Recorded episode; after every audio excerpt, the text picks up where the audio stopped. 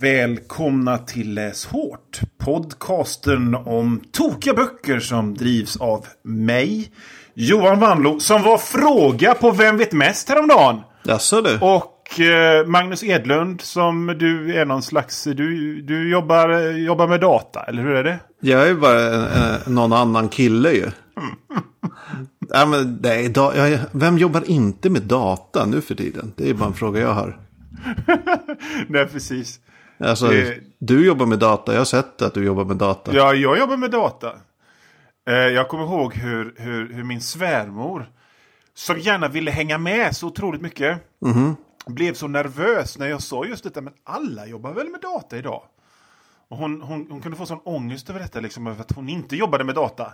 Men du behöver inte jobba med data. Men jag måste, man kan få information. Ja, så vidare, så vidare. Ja, svårt skifte där. Datakunnig, in, inte datakunnig. Hårt liv. 90-talet var svårt för många. Jag tror nog det. Eh, du, eh, vi, vi, Läs hårt heter vi. Yes. Och vi läser böcker och har det trevligt. Vi, alltså vi, är, vi, vi brukar läsa en speciell sorts böcker här. I det här programmet. Ja, Men det- nu har både du och jag en grej som heter Goodreads. Ja. Och det är någon slags Facebook för böcker. Man kan... Jag har aldrig fattat den sociala grejen med grejen. Jag, jag har den för att liksom jag, jag håller reda på vad jag har läst bara. Ja, men det är ungefär det har jag den till Ja, också. och men man kan vara lajka. kompisar- Ja, man kan lajka och man kan vara kompisar med varandra. Och eh, jag, då såg jag så här att du precis håller på och läser Hora, Horace Engdahls nya bok. Har du ett, ett annat läsliv utanför Läs hårt? Alltså- du sitter och läser Horace Engdahl. Och, Det, det, man måste ju läsa lite olika saker ibland. Mm. Den här hade jag fått som present. Så då läste jag den därför. Jag tror inte jag skulle ha köpt den. nej. Men den var ganska snabbt avverkad faktiskt. Den, det var bara så här. Mm. Ja men du vet lite aforismer och sådär. Så det var snabbt överstökat. Ganska intressant. Eh, Men jag- ja, jag, det, det, jag läser massa olika saker. Men mest Jag- saker med drakar. Ja, nej men jag, jag faktiskt, jag, jag har precis, jag ska inte säga jag ska inte säga vilken bok det är för det är, för, det är liksom lite för taskigt. Och jag vill verkligen inte vara en sån här konservativ fåntratt. Alltså det finns så många sådana i serievärlden som liksom inte kan förstå att det finns annat än Fantomen och Spiro.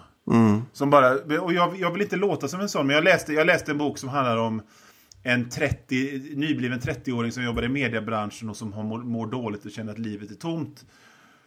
Jag bara kände, det liksom infriar precis alla mina sådana här eh, eh, fördomar om just sådana böcker. Jag tänkte, jag tänkte men, men du som skrivit den här boken, du vet väl om att du inte är tvungen att skriva böcker? Du måste inte. Har du ingenting att skriva böcker om så behöver du inte. Men, eh, ja. Ja, Jag tänkte på det lite tidigare. Jag läste två böcker som typ bara handlade om att, ja, men typ 80-talister som skriver böcker om sina papper.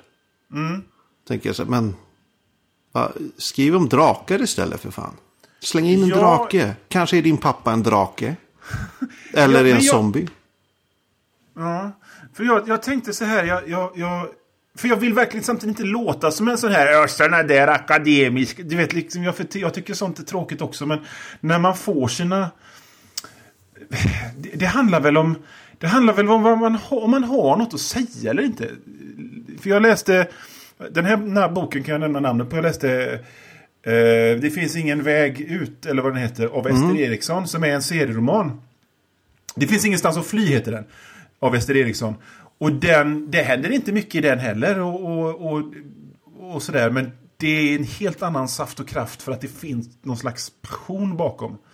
Men den här boken vars namn jag inte tänker säga. Det, det fanns, alltså man kunde tagit alla sidorna och bara slängt upp dem i luften och samlat ihop dem i ordning. Och det hade varit exakt likadant ändå. Det mest dramatiska som händer det är någonstans i, i, i, i mitten av boken är att huvudpersonen får IBS. Så Ja, det är ju det är förvisso jobbigt för huvudpersonen. Men kanske inte något alla vi behöver ha reda på. Vi har ett, eh, ett stående inslag här i Läs Hårt som heter Fråga Läs Hårt. Varje avsnitt svarar vi på frågor. Så vi, så om vi får någon fråga. Varje gång vi har fått en fråga har vi svarat på den. Precis. Och nu har vi fått en fråga. Och det är Lova Jansson som undrar Vad är er respektive favorittrope alla kategorier? Oj, oj. Oj! Svår fråga. Mycket svår fråga. Jag skulle nog inte kunna säga bara en där. Nej, jag, jag tror jag har åtminstone tre som jag behöver bara nämna. Men, men jag, först vill jag bara säga det är ganska intressant att trop har blivit en så... eh, Ett ord som har slagit igenom så hårt de senaste fem åren eller något. Ja, och i, som i något slags... Ofta i något slags negativt sammanhang. Ja, Så det är som man, man någon, någon, någon, någon folk som drar till sig. Ja, det där är en trop. Tid, Ja. Tidigare pratade man väl kanske om klichéer eller stereotyper eller liknande. Ja. Men nu var trop, boom. Men vi kanske ska svara på frågan. Vill du börja Ja, eller ska jag börja? Vi kan Du ta börjar. va- varannan. Eh, Okej, nummer ett. Människor och, och eh, typ, typ drakar. Som har ett, någon sorts symbi symbiotiskt telepatiskt förhållande. Ja, Det gillar jag. Gillar det. Mycket bra Det- kan berättas där. den, den är fin. Eh, en, en jävligt basic. Den handikappade miljonären som bankrollar brottsbekämpare. Den har vi ju stött på några gånger här i, i läsårshistoria. Alltså det går inte, det går inte att undvika den om man... Om man, om man alltså, jag tycker den är jättefin. Jag, jag tröttar aldrig på den. Eh, sen skulle jag vilja slå ett slag för, jag vet inte vad man ska kalla det. Jag har inte kollat upp de officiella eh, namnen på de här grejerna. Nej, nej. Men The Old Master Returns. Ja, ja. Han har kanske har gått i pension, men så kallas han tillbaks av Ja. för att någon ärkeskurk har kommit igen eller ett nytt The brott har Dark skett. Knight Returns, CD-versionen. Ja. Han Ja. måste Rambo för den delen i vilken är det? Ja, First Blood 2 kanske. ja. Och jag älskar den. Jag älskar den. Jag, den. jag tog inte den, men jag tog en... Jag satt och funderade på en släkting till den och det är... Han som svurit och aldrig slåss. Mm. Men som är så slåss. jävla bra på det. Men så, så i regnet vid sin brors grav sliter han av sig amuletten och skriker och sen så börjar hämnden. Ja, Det, liksom, det- jag tycker de, de hör ihop där. verkligen. Alltså i allmänhet gillar jag eh, alltså, karaktärer eller vad man ska säga. Folk som är jävligt bra på någonting. Ja, Så Sherlock Holmes som är jävligt bra på att se saker typ och lägga Ja. ihop ett och ett. Och, eller någon som är superbra på att slåss eller superbra på Eller magi. liksom, eller eh, världens bästa pilot eller något sånt där. eller, eller liksom de, de är svinbra på att döda folk men de vill vara i fred. Ja, Den är fin.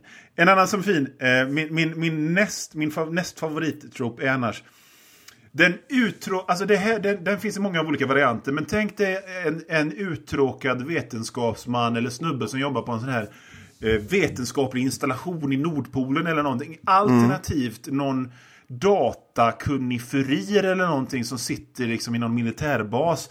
Och de är så jävla uttråkade och det händer ingenting och de käkar mackor och så plötsligt får de syn på någonting. På en blipp på radarn och så liksom går de till sin överordnade. I think we got something here sir. Och så, så börjar det liksom och så kommer rymdskeppen. Den är fin. den är fin. Mm. Jag, eh, jag har en sista.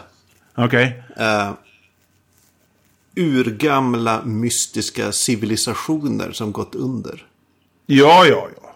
Från eh, Atlantis eller eh, olika Mass Effect eh, s- reliker i rymden-grejer. Ja. Sånt älskar jag. Alltså någon stor makt eller hög kultur som bara försvunnit. Och eh, lämnat spår efter sig. Och så finns det liksom någonting kvar. Det behövs bara dras i en spak och så återupplivas allting. Ja men precis, eller kanske så här äh, att det finns, man hittar en spak eller att man använder teknologi eller magi från den tiden utan att veta vad dess egentliga syfte är. Sådana saker. Det är Alltså, jävligt jag- smarrigt. Eh, Hör ni nu ni som liksom dissar, tr- slentriandissar tropes hur, hur vi smakar på orden när vi, när vi berättar om det här? hur mycket vi älskar. Jag har en, jag satt och funderade länge på vad en, en alltså för att jag tycker faktiskt att en av mina absoluta favorittropes är Manic Pixie Dream Girl. En väldigt, en väldigt hånad Bespottad nästan. Bespottad, men det, den, är, den, är, den är bespottad av människor som har en, oftast en, en feministisk analys hämtad från memes mest. Tycker jag. Eh, för att det, det, handlar, det handlar om liksom att, figurer, karaktärer, människor eh, i en berättelse är ju kanonmat åt berättelsen.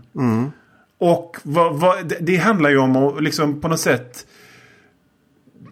det handlar om en, en sån figur symboliserar hopp. När livet är grått och trist så finns det någonting som kan göra att det blir bra. Ja, det var inte den tropen jag skulle prata Nej, om. Utan jag skulle okej. prata om en släkting till den tropen.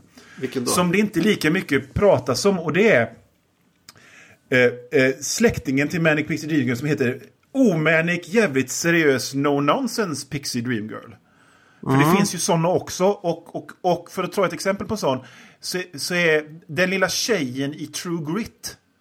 Ej sett True Grit. Nej, det, det är en bok först. Det finns två filmer. Jag har inte sett den senare filmen. Men då, är, då handlar det om en be- bestämd liten hyperkristen, jävligt tråkig 14-årig tjej som vars pappa har blivit skjuten av en uslig skurk. Och hon tar sina besparingar och eh, lejer en revolverman som är alkoholiser- alkoholiserad och slapp och fiser och är tjock. Och på, i, och på något sätt eh, får honom att och, och liksom kamma till sig helt enkelt. Ja, det är ju eh, något man känner. Det är väl lite... Nej, inte riktigt. Nej, glömde. Jag tänkte ta upp Leon som exempel. Men där är det ju Natalie Portman en Ja, verkligen Manic Pixie Dream Girl. ja. Men, men jag tänker också på, det, fin, det, finns, det finns en annan westernfilm som heter Cat Baloo. Där Jane Fonda eh, har hamnat i dåligheter och så, så, så ser hon till att Lee Marvin som är en fullkomligt totalnersöpen eh, revolverman skärper sig och kan ta skurken i slutändan. Och det är liksom en liten släkting till Manic Pixie Dream Girl fast det är liksom inte det här. Ja, det är inte liksom Zoe Deschanel-versionen av Verkligen inte, utan det är ofta mer ser. liksom att det kommer, här kommer en prim och proper jävligt trökig plugghäst. Och Ja. Se till att nu, nu, nu jävlar styr du upp så. Börja och sen få i koll på slutändan din så- ekonomi. Och så vidare. Ja, och så blir det liksom lite tillbaka så här liksom att att, att då i True Grit så får i den första filmen John Wayne så, så, så slår det tillbaka liksom att hon blev lite gladare när hon hade träffat honom för att han är så glad och så vidare. och Så det blir, de, de ut, mutual ut, utnyttjande där.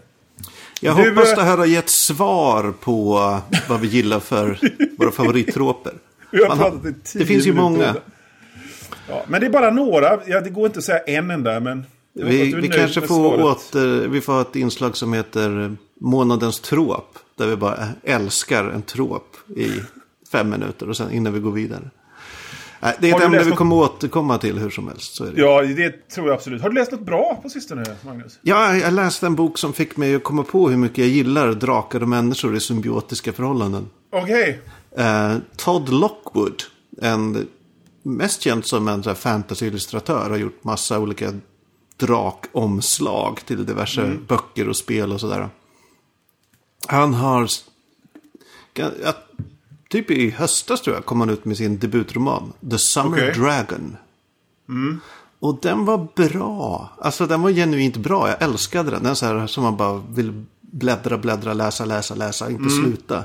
Det är spännande. Och den hade också det här eh, förfallna civilisationer. Och någon som är väldigt, väldigt bra på det de gör. Och så här. Det var som någon perfect storm av klyschor jag gillar.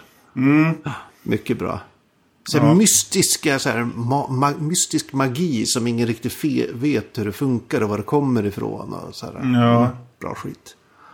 Det, är- det, mm, det, är- apropå, jag, jag funderar på ibland på just i fantasy. Jag kan, när, när magisystemen blir som någon slags hemläxa. Det gillar inte jag, eller hur? Ja, alltså det finns ju visst, några som gör det där bra. Andra som gör det dåligt. Länge tyckte jag att en författare som heter Dave Duncan, som jag tror jag nämnde i förra avsnittet. Ja. Han har gjort det lite till sin USP att ha inte komplicerade, men liksom jävligt uttänkta magisystem med sina böcker. Och nu på senare år har ju eh, den ja, läs hårt ständigt nämnda författaren Brandon Sanderson. Han jobbar ju också mycket med så här knepiga magisystem som har väldigt fasta regler. Liksom. Och det kan jag gilla. Men när det är liksom bara massa ord upp och ner och termer och kors och tvärs, då kan jag tröttna lite. Ja, no, nej. Ja, Vad har nej. du läst då? Ja, inte för att gå in, för vi ska, vi ska gå in på själva huvudboken senare. Och inte för att säga för mycket om den, men eh, ibland så läser man böcker som tar lite lång tid att läsa. Och då, och, och, av olika anledningar. Och då kanske man ibland känner att man inte vill läsa just den boken, utan man vill läsa något annat. Så det har blivit väldigt mycket serier för mig. Eh, under den här sen, sen sist. Och eh, jag, vill bara, jag vill bara säga det här att Spiro-album nummer 39, Skumt spel i Söderhavet av Tom och Jean Ry är jävligt underskattat. Man Starka pratar, ord. Man pratar aldrig om det albumet som ett klassiskt Spiro-album. Men jag tycker verkligen att det är det. Jag tror tycker faktiskt att- aldrig jag nämnt det som ett klassiskt Bro-album. Ja, Nej, faktiskt. du ser. Ja, du ser man, man nämner expeditionen som försvann. Man nämner Dårarnas dal. Man nämner i skuggan av Safir. Kanske man nämner i skuggan av Champignac. Men man nämner aldrig skumt spel i Söderhavet. Och jag vill, på, jag vill bara säga att just, just det lö, alltså den här Sp- Spirou betyder mer för mig än vad Tintin gör. Jag borde Faktiskt. sammanföra dig med min eh, kompis David som är en... Han älskar Spiro. Ja, Nej, men jag älskar också Spiro. Och jag älskar framförallt den här... Ända sedan jag var liten så, så är den teckningsstil som jag både älskar att se och alltid förgäves har velat efterlikna. Det är ju den här slängiga säkerheten. Där det ser ut som att de bara, äh, jag drar till med något. Och så blir blev det bara- perfekt. Ja, så blir det... det blir...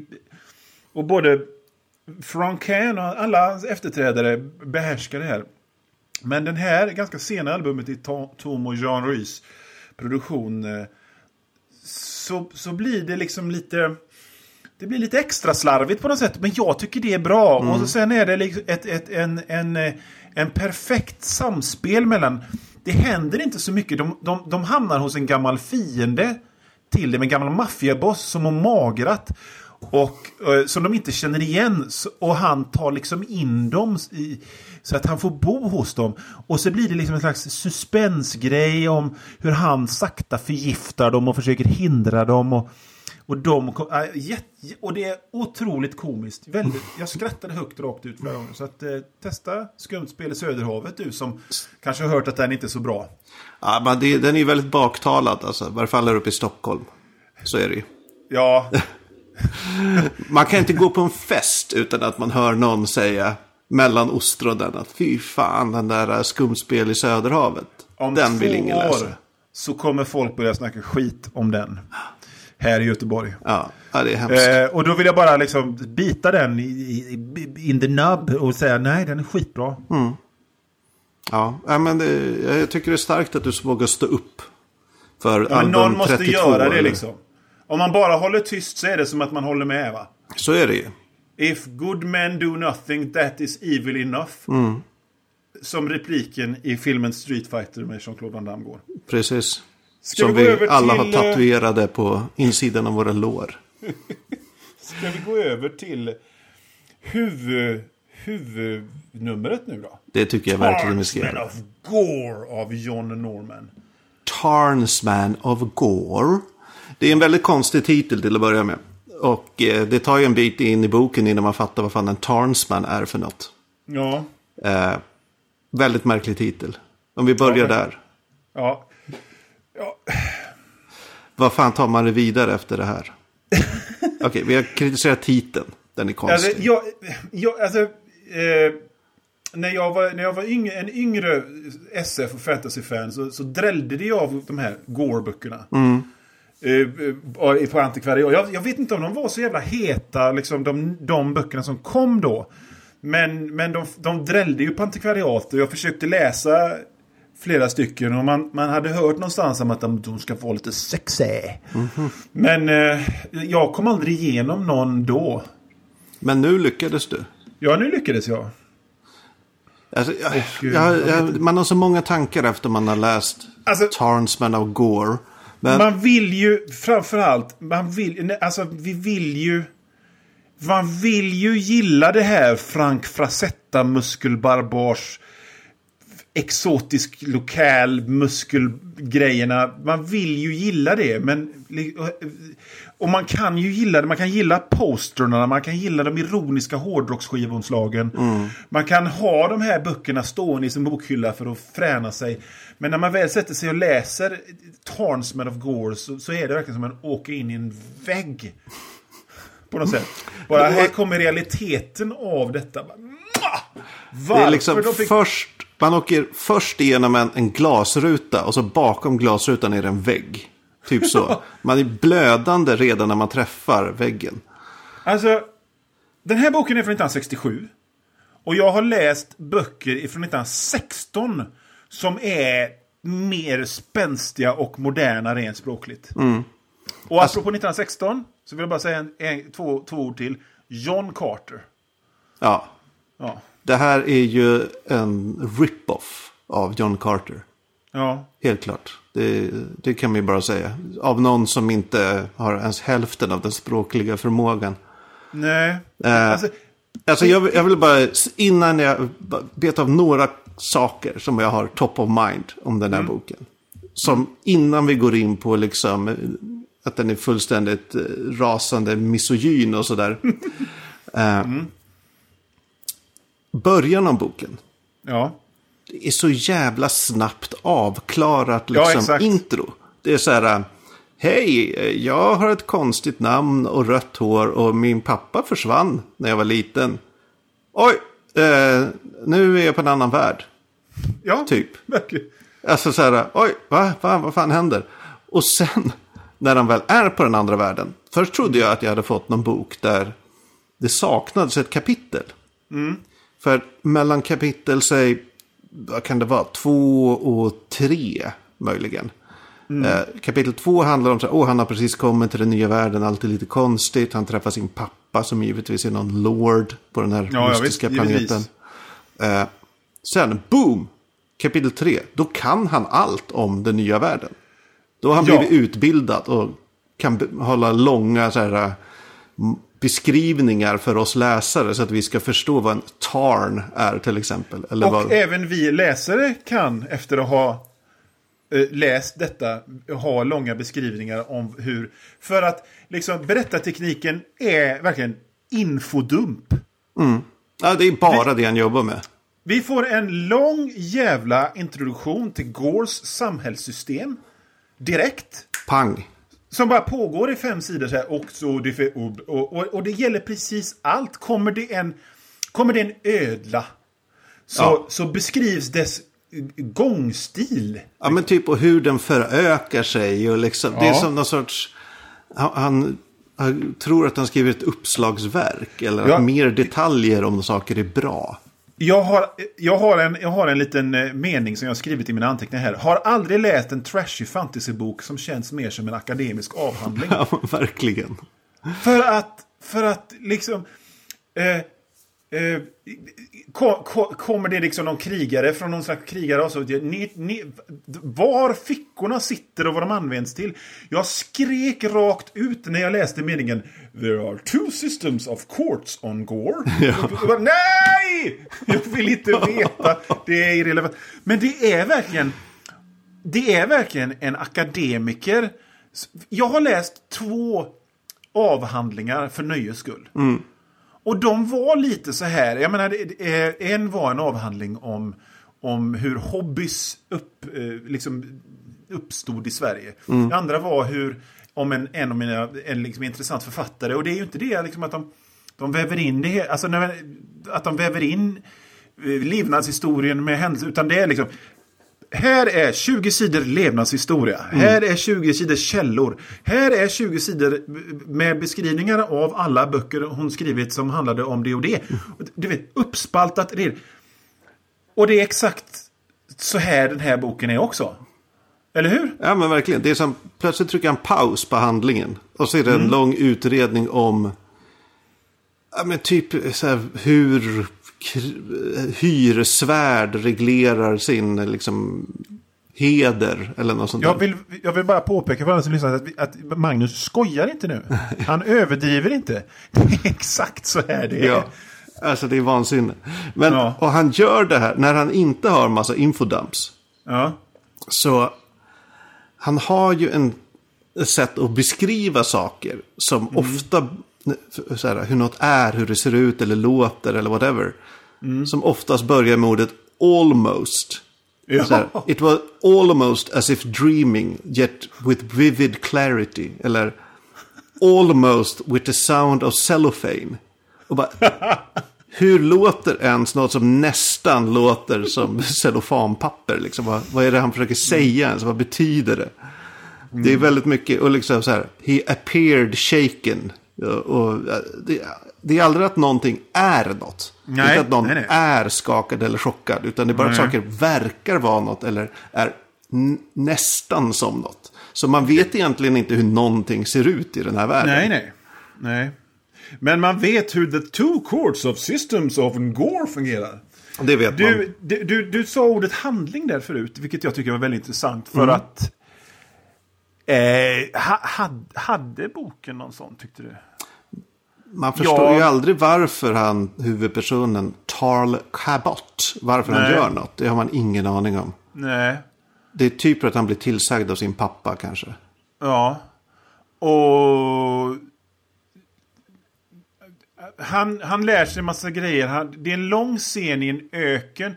Det är mycket slavkvinnor som dansar. Ja. Och det är liksom sida upp och ni, sida ner med dialog som är så här. Nej, jo, nej, jo, 50 för slavinnan. Nej, 48. Nej, 47. Nej, jo, men nu måste vi slåss. Och så ska de börja slåss. Och så bara, nej, vi blir vänner i alla fall. ja men handlingen är väl i grunden så här, okej. Han ska sno en sten från en rivaliserande stadsstat. För att ste- alla städer har en sten av oklar anledning. Som är helig för alla städer. Det är typ som en flagga eller något, men det finns bara en. Ja, så ska han åka dit och så snor han stenen men får med sig en eh, typ kungens dotter. ja. Som givetvis blir kär i honom. Och sen är det bara så här att de... Eh, Jag kan inte riktigt beskriva vad som händer. Han blir tillfångatagen, sen blir han fri igen. Och så blir han tillfångatagen och så tar han, blir han fri. Och så blir han tillfång... Det är bara det hela tiden. Ja. Eller så måste han frita någon. Eller så... Det, det är liksom ingen handling. Det är bara en utdragen process. Vi, vi, kan, vi kan ju inte prata om en Gore-bok utan att prata om att de har ju... In, inte den här boken tyckte jag så mycket. Men de har ju ett rykte om att vara saddoporr egentligen. Och det jag minns av de Gore-böcker jag försökte läsa på 80-talet och på 90-talet så... Så mycket porr, men det var jävligt mycket att det, piskades och subjugatades och hit och dit. Och branding hit och dit. Och kvinnan böjde sitt huvud i skam inför sin master. Alltså du vet, skitmycket. Men det är inte... alltså, Det har inte riktigt kommit igång i den här. Nej, han har inte hittat formen lite. Det är ju lite... Det är ju slaveri och det är lite diverse eh, så här, slavkvinnor hit och dit. Så. Men, Ja. men det roliga här tycker jag. Det är, Ja. Okej, han kommer till den här världen. Eh, Så får han reda på att det finns slav, slaveri. Ja. Och då är han så här, åh fy fan, det här är så hemskt, det här måste vi motarbeta så här. Ja. Sen eh, träffar han på några slavkvinnor och han bara, fan vad nice det är med slaveri. De här verkar ju verkligen trivas med att vara slavar. Det här är- verkar ju jättebra, det är klart. Ja. Och så ibland är han fortfarande lite så här, åh, var, nej det ska inte finnas slaveri. Men sen bara, men de här är så bra på att vara slavar. så det är klart det måste finnas slaveri, vad skulle de annars göra? Har, du, har, har du läst några andra Gore-böcker? Nej, det var min första och troligen eh, Ja. enda. För jag, jag, det skulle ju vara intressant att jämföra hur det blev sen. För att när man, när man kollar sen så, så, så, blir, så har man ju förstått att det blir jävligt mycket, jävligt mycket slavande hit och dit. Liksom. Jag såg ju, jag, jag är ju en seriös journalist. Så Ja. att jag såg ju filmen Gore. Berätta. Jag är ju, jag är ju väldigt mycket emot eh, piratkopiering och sånt, men och när man av en händelse skriver in bokstäverna går i YouTube så kan det ju hända att man kan titta på den där och så. Det vet jag Och det om. här slaveriköret, liksom, det, har de, det, det, det, det, är, det är som de som gjorde filmen tänkte sig. Men vad fan, det är ju inte en normal människa som tycker det är fränt med slaveri. Så att där är det ju liksom det här att skurken är en slav. Har slavar som, som Tarl Cabot sen eh, befriar. Men det är en typisk italiensk eh, sån här eh, fantasyfilm från 80-talet. Det är väldigt mycket öken. Det är jävligt mycket shampoo. Det är jävligt mycket konstiga hår håruppsättningar och, och grejer som man har på huvudet för att, se, för att det ska se fantasy ut. Så jävla fantasy. Mm. Eh, ja, den här eh, huvudpersonen Ja, är ju... Okej, för det första då helt ointressant. ja, Eh, och sen väldigt snabb och, och liksom börja uppskatta slaveri. ja, Eh, men det finns ju också en episod. Efter han har fritagit eller kidnappat den här kungens drottning. Och Ja. de har kraschat i ett träsk. ja. Eh, där han... Där enda anledningen att han inte våldtar henne är att hon var för snygg. Så här, ja, så här, åh, han bara, efterhand tänker åh, om jag ska vara ärlig så tänkte jag våldta henne. Men hon var för snygg, jag kunde inte, kunde inte göra det. Han bara, vad fan, vad, vad är det här för konstig, så här, rapey, varför kommer, är det här med ens liksom? Alltså, jag, jag, jag, tycker det... Jag tycker det är väldigt märkligt att det kom 38 böcker efter den här. Extremt märkligt. Ja, extremt märkligt. Okej, alltså... Alltså om man, om man, om man tittar på om, genre, alltså erotika av olika slag så brukar den ju sällan hålla god kvalitet. Jag menar, jag har läst en och annan pornografisk roman och liksom, det, det är ju oftast skit. Ja, Men det här var ju, det här var ju mainstream. Det här såldes, det här såldes som mainstream SF. Och som sagt, jag sa ju det gjordes en film på det. Ja, Jag den tycker- måste jag, jag vet inte, det kanske är det här är- BDSM-undertonerna som tilltalade folk som, Ja, det, och det är därför nog det. Folk är mer rapey än vad man tror. Ja, ja, jag vet inte fan. Eller, eller så är det, eller så, jag har försökt vara liksom lite mer förlåtande också. Så kan tänka, tänka att om man nu, om man nu bortser från det misogyna och liksom folk som på något sätt är lockade av den här livsstilen. Så kan, det, så kan det ju vara ett sätt att bli bekräftad eftersom det jag antar inte fanns så många andra sätt att bli bekräftad på. Det kanske är en sån grej. Men jag tycker ändå att det är märkligt att det var så mainstream som det var. Ja, men verkligen. Och det, Och det, sen- det framkommer också en hel del så här... äh, Alltså, eller jag vet inte, jag tänker kanske när den kom så var, det fanns ju en stor marknad av, av liksom så här smatt på 60 och 70-talen. Mm. Ja, alltså, precis. jättemycket. Jag vet inte om det här liksom bara var... Men jag tror att det var inte därför här det var in- mainstream. Jag, alltså, jag har läst smatt ifrån den tiden. Mm. Och det är ju oftast inte så... eh, Det är ju inte speciellt explicit. Det är liksom inte... Det, det, det, samlaget beskrivs inte som att det är det det är. Okej. Men- Men, men däremot så är det ju oftast folk är jävligt sleazy liksom. Det, det är smatt över hela banan. De, de folk super och de knarkar och de begår brott och de är jävla creeps. Och så, så, så ligger de med varandra också. Till råga på allt. Och, och, men de här böckerna, det, det, som kallas, det som kallas för smatt, det, de gavs ju ut under, av pseudonymer på, på, av smattutgivare. Liksom. Men det här, det här gavs ut på en, på en mainstream science fiction fantasy-utgivare. Liksom. Ja, ja, det är märkligt. Men det kanske fanns ett, om man tänker att det var, fanns ett stort sug över sword and sorcery eller sci-fi och lite så. Jag har ingen aning. Nej, alltså jag, jag tänker så här. Jag, jag hade först tänkt att raljera över det faktum att det här, sånt här det här är ju så uppenbart manligt power fantasy-runkande. Liksom. Alltså, Skintar akademiker i akademikermiljö åker till barbarvärld och han utvecklas i rekordfart till någon slags superkrigare. Det, liksom, och det går så fort. Och det är ju jättelöjligt, eller hur? Så, men så tänkte jag sen eh, efter... Som om jag på något sätt står över det. för att... Nej men eh, egentligen. För att vad, vad är all heroisk fantasy om, om just inte det, det här? Alltså, ja, du är helt rätt. Ja, Det här är ju liksom ett kondensat av allt dåligt som finns i fantasygenren, skulle jag Ja. säga. Alltså det finns i nästan varenda bok, men... Kanske inte så här uppenbart. Nej, alltså, och det kanske finns en viss del och, och liksom någon, något element här och där, men inte liksom allt samtidigt. Nej. Jag menar just det här att eh, ja, men, kvinnoförakt och liksom slaveri och blodsmystik och rasism Mm. och, och liksom allt sånt. Det förekommer ju ständigt i, i fantasy. Ja. Men, Men som sagt, sällan så jävla uppenbart att det är, liksom, det, är det det handlar om. Eh, Man vill gärna, alltså, jag vill inte jag vill inte få mina tillkortakommanden kastade i mitt ansikte. Men, men jag menar, vad, det är ju det här man har litteratur och konst och sånt till egentligen. Men ja, det behöver inte alltid vara just på det här viset kanske. Och det kan ju presenteras på något bättre sätt. Det behöver liksom inte... Det är jävligt uppenbart att det är... Att någon sitter och skriver med en rejäl bånge. mm, kanske bara en hand på skrivmaskinen. Mm. Ja, eh, så är det ju verkligen. Fast jag känner att det är på något sätt min, min nörd...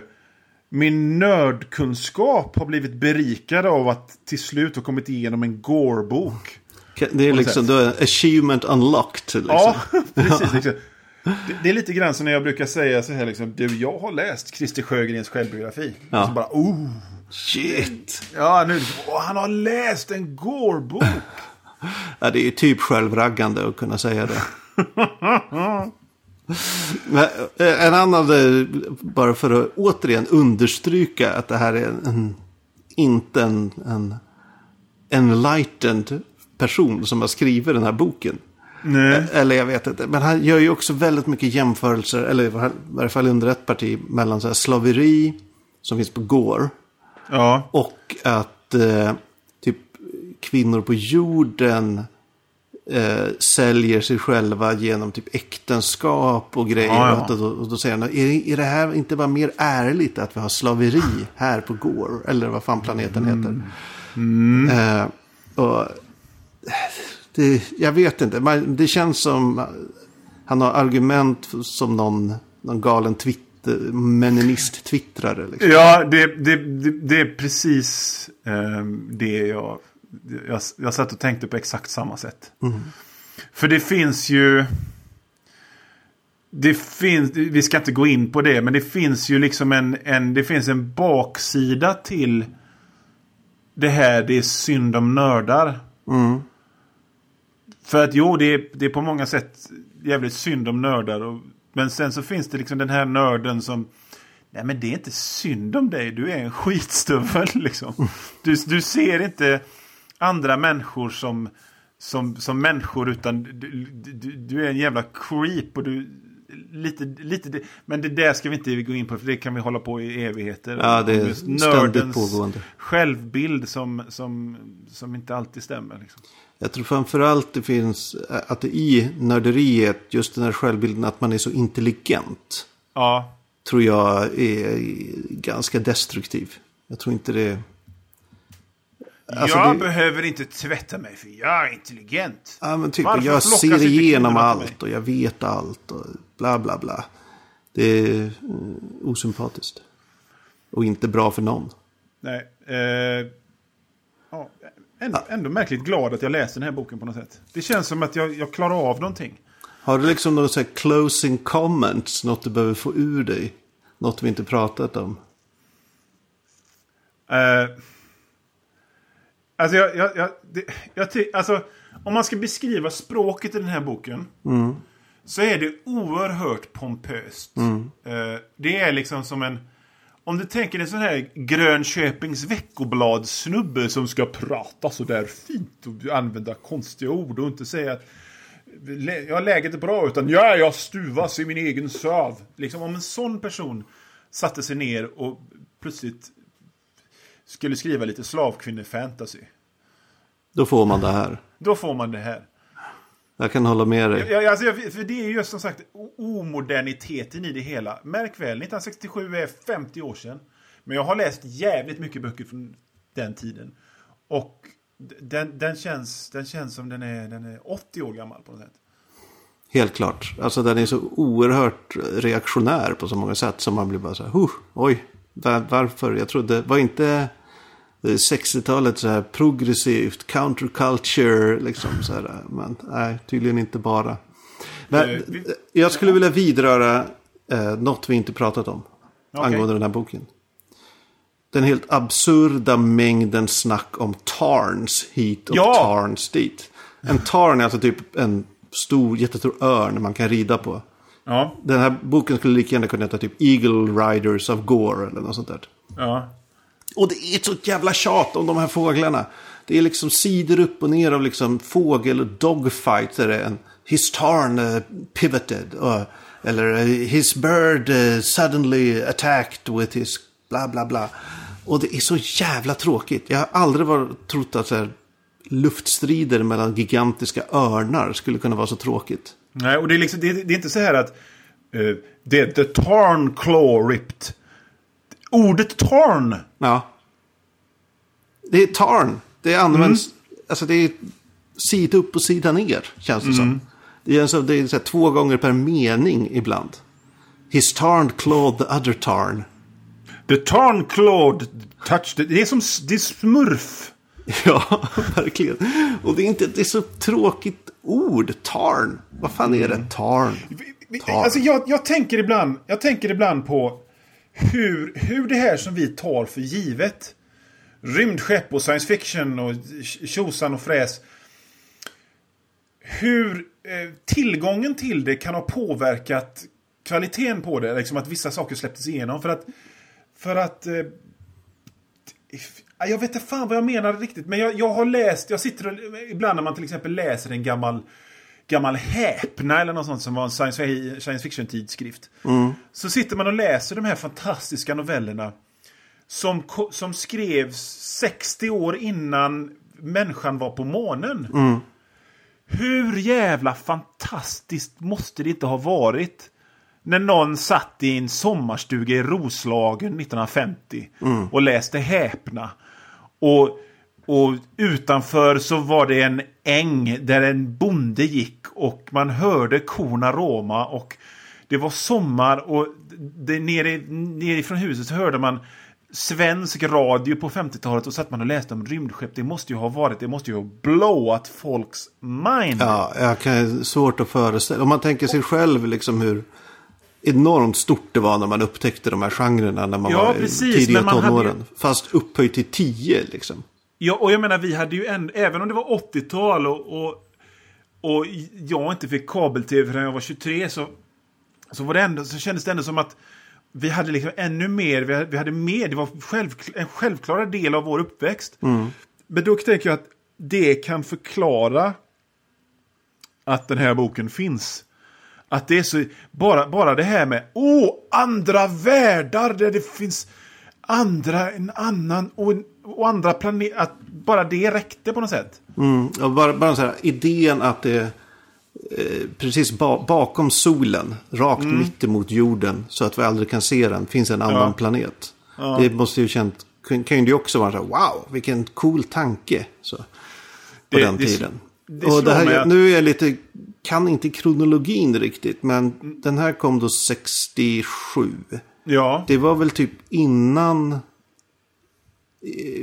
den stora så här Tolkien-explosionen i USA? Eller var det typ samtidigt? När typ alla hippies upptäckte The Hobbit och Tolkien? Uh, jag är inte riktigt säker på, men Tolkien kom väl 54, 57 någonting va? Ja, sen var den ju i princip helt så här, ingen snackade om det förrän ja. amerikanska hippies fick tag på någon piratad eh, okay. pocketutgåva. Mm. Jag kommer inte ihåg, jag vet, det kan, men jag tror det var i samband med det här. Men nu, någon kan skriva in och rätta mig.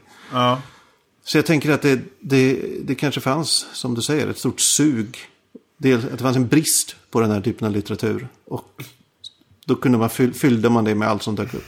För att, för, men det är också jävligt konstigt för att jag satt och tänkte på hur jävla mycket eh, Edgar Rice Burroughs har blivit eh, off-rippad i sitt liv.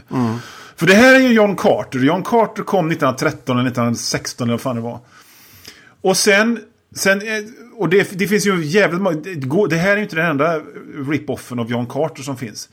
Sen Tarzan finns det ju hur mycket rip-off som helst. Och sen så skrev han ju böckerna om, hans kanske minst kända böcker var ju de här om Pelusidar som var The Inner Earth. Just det. Eh, och det är också jävligt stulna koncept. Jag, det jag bara, det bara reflekterar över att den karln kom på en hel del grejer som blev stulet sen. Men sen det där skulle ju vara intressant på något sätt för att om man tittar på Pulp och, och på Pulp-äventyr och sådär så, fanns, så var ju det, det, det var ju liksom det populäraste som fanns. Men det kanske försvann någonstans Så det- mellan... Alltså jag tänker liksom Pulpens guldålder var ju liksom 10-talet fram till kriget, andra världskrigets början någonstans. Men som jag förstår min eh, trash-litteraturhistoria. Så var det väl Pulpen blev utkonkur- Pulpnovellerna blev utkonkurrerade av serietidningarna. Att, Exakt. Att typ så, när serierna slog igenom då tappade Pulpmagasinen sin liksom, livskraft. Ja, men... Nå- någonstans så vill jag ja, men minnas. seriemagasinen å andra sidan tappade sin livskraft strax efter andra världskriget. Ja. Och... Eh, men då undrar jag, försvann de här genrerna då? För att Rimligen om vi, inte. För vi pratade just liksom om, om, det, om det var ett sug efter fantasy som gjorde att Gore-böckerna fanns. Men liksom försvann de här...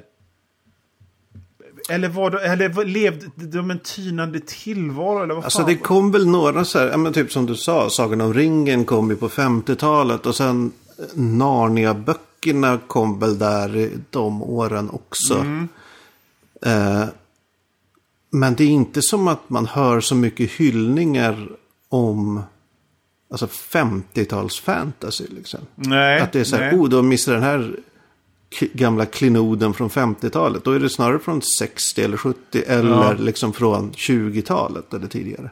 Ja, precis. Som jag var min personliga ej vetenskapligt belagda eh, upplevelse. Ja, men det kan, det kan liksom... Ja, jag, jag, jag killgissar som fan här nu. Mhm. Men eh, det kan vara... Jag, kan, det, jag, jag tror bara det, liksom, det var liksom någon slags sug som började med de här hippisarna. De upptäckte tolken och så sa ja, vi vill ha mer, vi vill ha mer alver och skit. Kom igen, kör på. Ge oss alver. Ja, och sen kom ju väl så här extrem fantasy-explosion på 78 och i Sverige på 90-talet. Liksom, där det bara översvämmades med långa, långa serier. Ja.